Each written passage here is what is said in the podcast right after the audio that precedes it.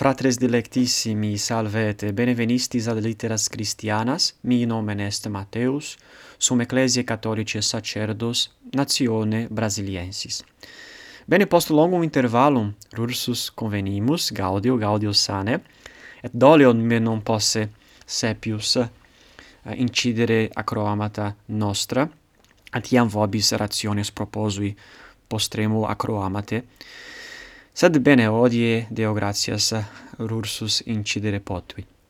Ah, uh, antequam in loqui de confessionibus sancti Augustini, presentabam vobis de cursum auctorum Christianorum inde ab exordis ecclesiae uh, maxime auctores qui fluerunt in parte occidentalibus nomne et qui lingua latina uh, usi sunt et uh, postremus auctor de quo verba feci fuit Sanctus Ciprianus episcopus Carthaginiensis.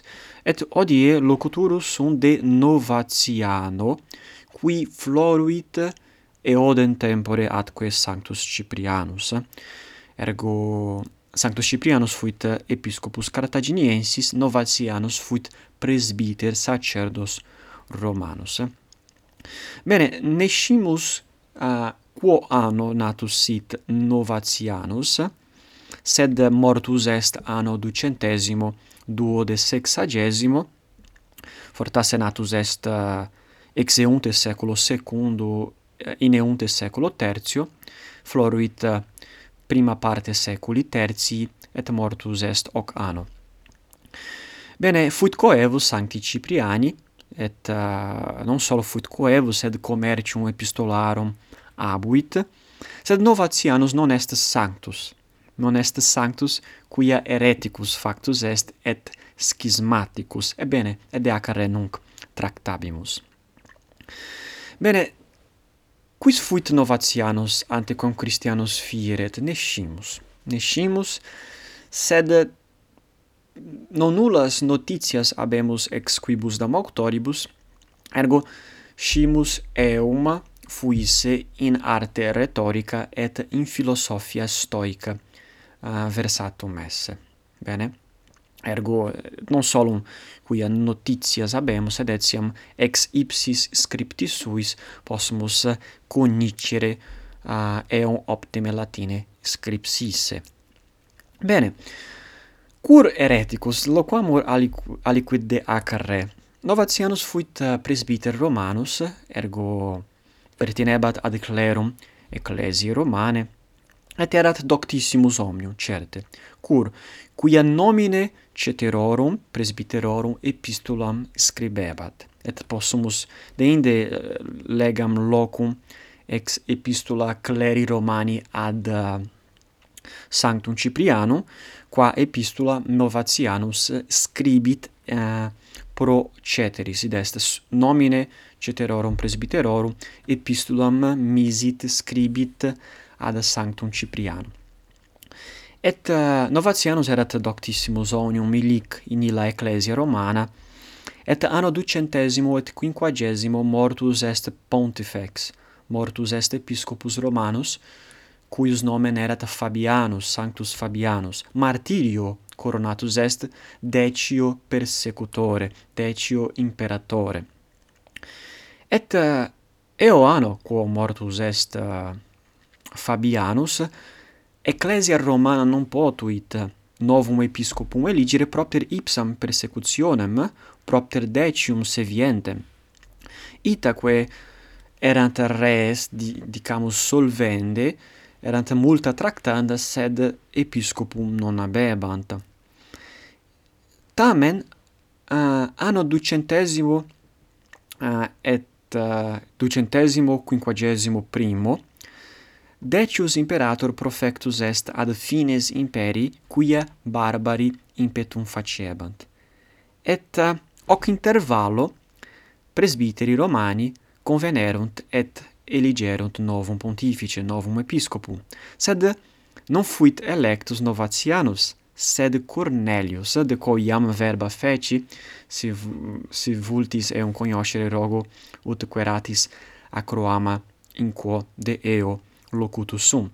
Ergo Cornelius, qui erat patricius Romanus, electus est, doctus et non tan doctus quam Novatianus qui vere ambibat episcopatum desiderabat et flagitabat. Et for, forse forte Novatianus uh, furore et ira captus est et cepit accusare Cornelium usurpationis. Et non solo hoc fecit sed etiam quandam coniurationem incipere conatus est. Vocavit quosdam episcopos uh, Italos, bene, fere omnes eum ei non faverunt, sed quidam, nisi falor quatuor episcopi Itali, eh, eh, uh, uh, alecti sunt a Novatiano, venerunt Romam et eum fecerunt episcopum, eum ordinaverunt episcopum. Et Cornelius qui de acre locutus est dixit, bene, commodo novatianus potest, potuit uh, ordinari eh, episcopum, cum ipse neque sacramentum confirmationis accepit, quia baptizatus est mature, erat, uh, dixit Cornelius, erat possessus a diabolo, itaque mature uh, baptizatus est et sacramentum confirmationis non accepit et nescio quomodo ille ordin, ordin, ordinatus est presbiter. Bene, Cornelius uh, male de eo locutus est, id est erat possessus demonio uh, novatianus, baptizatus est mature, et deinde sine sacramento confirmationis ille ordinatus est presbiter. Itaque Cornelius uh, inveitur in eum omne propter tales rationes. Et uh, bene, i episcopi venerunt ordinaverunt eum episcopum et sic novatianus constituit schisma, id est schismaticus factus est. Fere omnes eum non sustinebant sed ipse abebat quosdam, abebat gregem suum, et se ipsum proclamavit episcopum. Bene, et non solum schisma fecit in ecclesia romana, sed etiam hereticus factus est, cur quia cepit docere contra lapsus in ecclesiam redintegrandos, iam de ac materia locutus sum in Acroamate de Sancto Cipriano, lapsi erant ili Christiani qui in persecutione sacrificabant idolis, idolis, sacrificabant deis paganis propter metum mortis, et propter terrorem, et propter uh, illas res terrimas, quas uh, passi quas ah, uh, patiebantur Christiani eo tempore persecutionis, itaque multi propter metum, propter debilitatem fidem suum negabant et idolis sacrificabant, et vocabantur lapsi, quia e fide um, elabuntur. Et erat questi utrum liceret nec ne eos rursus in ecclesiam recipere, et novatians dix non, non oportet, qui est peccato maximum non licet eos acciperet neque possumus talem tale peccato absolvere. Ergo rem dicamus rigidissima erat certe et contra fidem quia omnia peccata solvi possunt misericordia Dei. Et si vere Christianos ille lapsus a penitentiam egerit a accipietur sic dicebant et Ciprianus et Cornelius et omnes uh, ecclesiae catholicae doctores. Bene, si veram penitentiam agunt, possunt certe in ecclesiam recipi. Recipi ita. Bene. Hoc facto, novatianus factus est hereticus et schismaticus et abuit illic gregem suum et eius sequaces post eius mortem per, per exerunt opus sum, ac de causa vocati sunt novatianisti. Bene? Novatianisti vocabantur sequaces novatiani. Et, uh, bene, etiam vocabantur, uh, vocabantur puritani, vel puri, quia proclamavan se uh, servare fidem puram, fidem antiquiorem fidem veram, va bene? Et siam sic um, vocabantur, vocabantur asse ipsis. Bene, quid dicendum est, nunc, ah, Sanctus Hieronymus in suo opere de viris illustribus parvum summarium nobis prebet de vita Sancti Cornelii, de vita Novatiani in oscite. Bene, summamus textum Sancti Hieronymi, de viris illustribus, et est uh, una paragraphus, brevissima, itaque eam vobis legam. Novatianus Romane urbis presbiter adversus Cornelium cathedram sacerdotalem conatus invadere Novatianorum quod Grece dicitur Cataron dogma constituit nolens apostatas suscipere penitentes Bene, ego dixi novatianisti, uh, et Hieronymus a eos appellat novatiannos nomne, novationi vocabantur, novatianorum uh, uh, ita. Quod Grece dicitur cataron, dogma uh, constituit cataron, secundum quod dogma nolebat apostatas suscipere penitentes, et iam deacare dixi. Uh, scripsit autem de Pasca, de Sabato, de circuncisione de sacerdote, de oratione, de cibis iudaicis, de instantia, de attalo, multaque alia, et de Trinitate grande volumen, quasi epitomen operis tertuliani faciens quod plerique nescientes Cipriani existimant. Bene, ergo de vita uh, eh, Novatiani ex sunt. Nunc loquamur de operibus suis, ut dixit uh, Hieronymus ile fuit auctor quorundam operum nomne de circuncisione de sabato de sacerdote de cibis iudaicis et, et etc.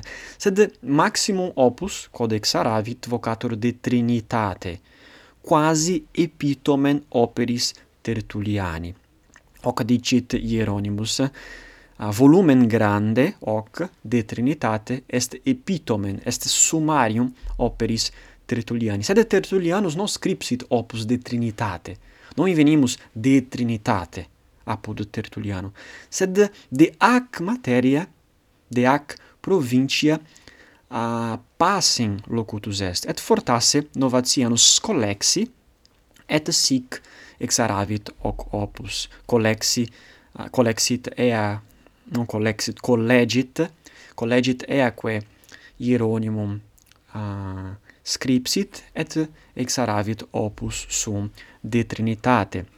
Sed uh, et ec est res mira quia novatianos optime scribebat la, uh, scribebat latine nomne ego vobis uh, legam primum paragraphum uh, sue epistole ad Sanctum Cipriano, antequam hereticus factus uh, est, antequam schismaticus factus est, et videmus eum optime calere linguam latinam, et uh, dicamus uh, anc artem scribendi non solum in re in in genere epistolarum sed etiam in opere de trinitate conservavit quia sepissime conscribimus de re uh, de scientia nomne de re dicamus teorica et stricte loquenda nos utimur vocabuli simplicioribus nos utimur sermone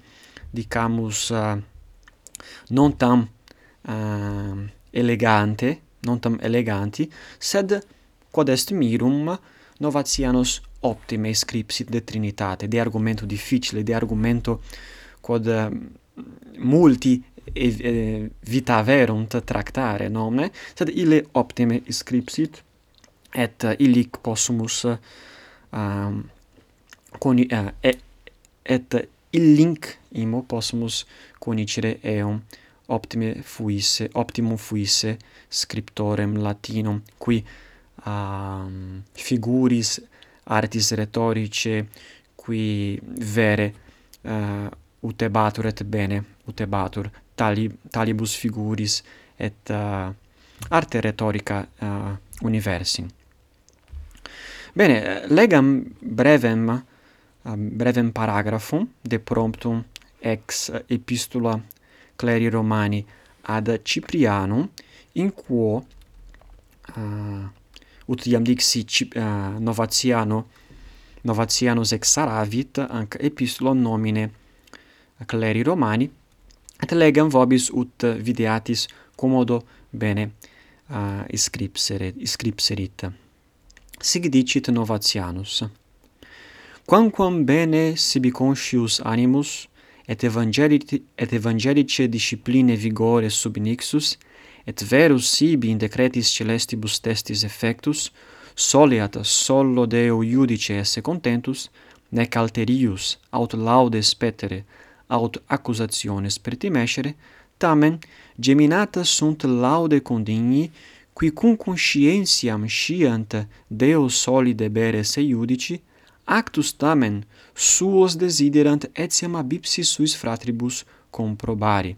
Quod te, frater Cipriane, facere non mirum est, qui pro tua verecundia et ingenita industria consiliorum tuorum nos nam tam iudices voluisti quam participes inveniri. Ut intuis rebus gestis, laudem tecum, dum illas probamus, inveniremus, et tuorum consiliorum bonorum coeredes, quia et affirmatores esse possimus. Bene, sic incipit epistula sua a Novatianus ad Cipriano, in qua narrat de multis rebus, de persecutione deci, de difficultate in pontifice eligendo, et cetera, Et etiam de lapsis. Bene, ec epistula exarata est antequam certe uh, Cornelius eligeretur, antequam Novatianus ereticus firet. Et, uh, bene, De Trinitate opere quid dicendum est est opus satis maium ut dixit Hieronymus est grande volumen divisus est uh, in multos libros et ille loquitur de de Patre, de Filio et de Spiritus santo maxime de Filio de Iesu Christo nomne nisi fallor uh, eh, in primis octo capitulis loquitur de Patre, de Deo Patre, de opere creationis commodo omnia uh, facte sint ad eo patre et inde transit ad filium et loquitur de filii generatione eterna a patre et bene loquitur de ac materia tan difficile nomne et de inde loquitur de spiritus sanctus et de spiritui sancto tantum modo dicat unum capitulum non fusius non fuse et copiose de spiritus sancto verba facit. Et eh, bene propositum eh, uh, Novatiani uh, eh, hoc opere fuit propositum refutandi quosdam hereticos qui docebant nullum esse discrimem inter patrem et filium vel alios hereticos qui dicebant filium non esse uh, non esse deum non negabant divinitatem Iesu Christi. Itaque hoc opus exaravit, bene si vobis inter est consilium do ut legatis uh, opus de Trinitate nullum est uh, nulla est lic doctrina contra fidem imo vero optime uh, disserit de ac materia tam intricata ut iam dixi et uh, bene facit. Pro dolor hoc opus non bene notum est paucissimi cognoscunt hoc opus novatiani fortasse quia hereticus factus est itaque reliquerunt eum et consequenter et opera eius. Bene.